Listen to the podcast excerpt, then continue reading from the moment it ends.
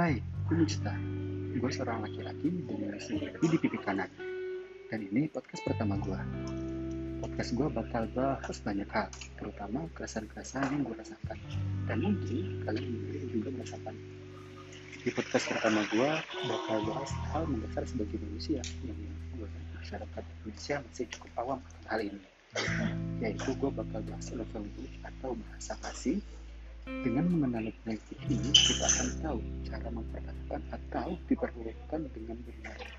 Dan juga hubungan kita, baik dengan pasangan, sahabat, dan keluarga akan jauh lebih baik. Tapi, gue bakal bahas terkait level ini di episode berikutnya. Gue bisa, terima kasih sudah berbagi keresahan.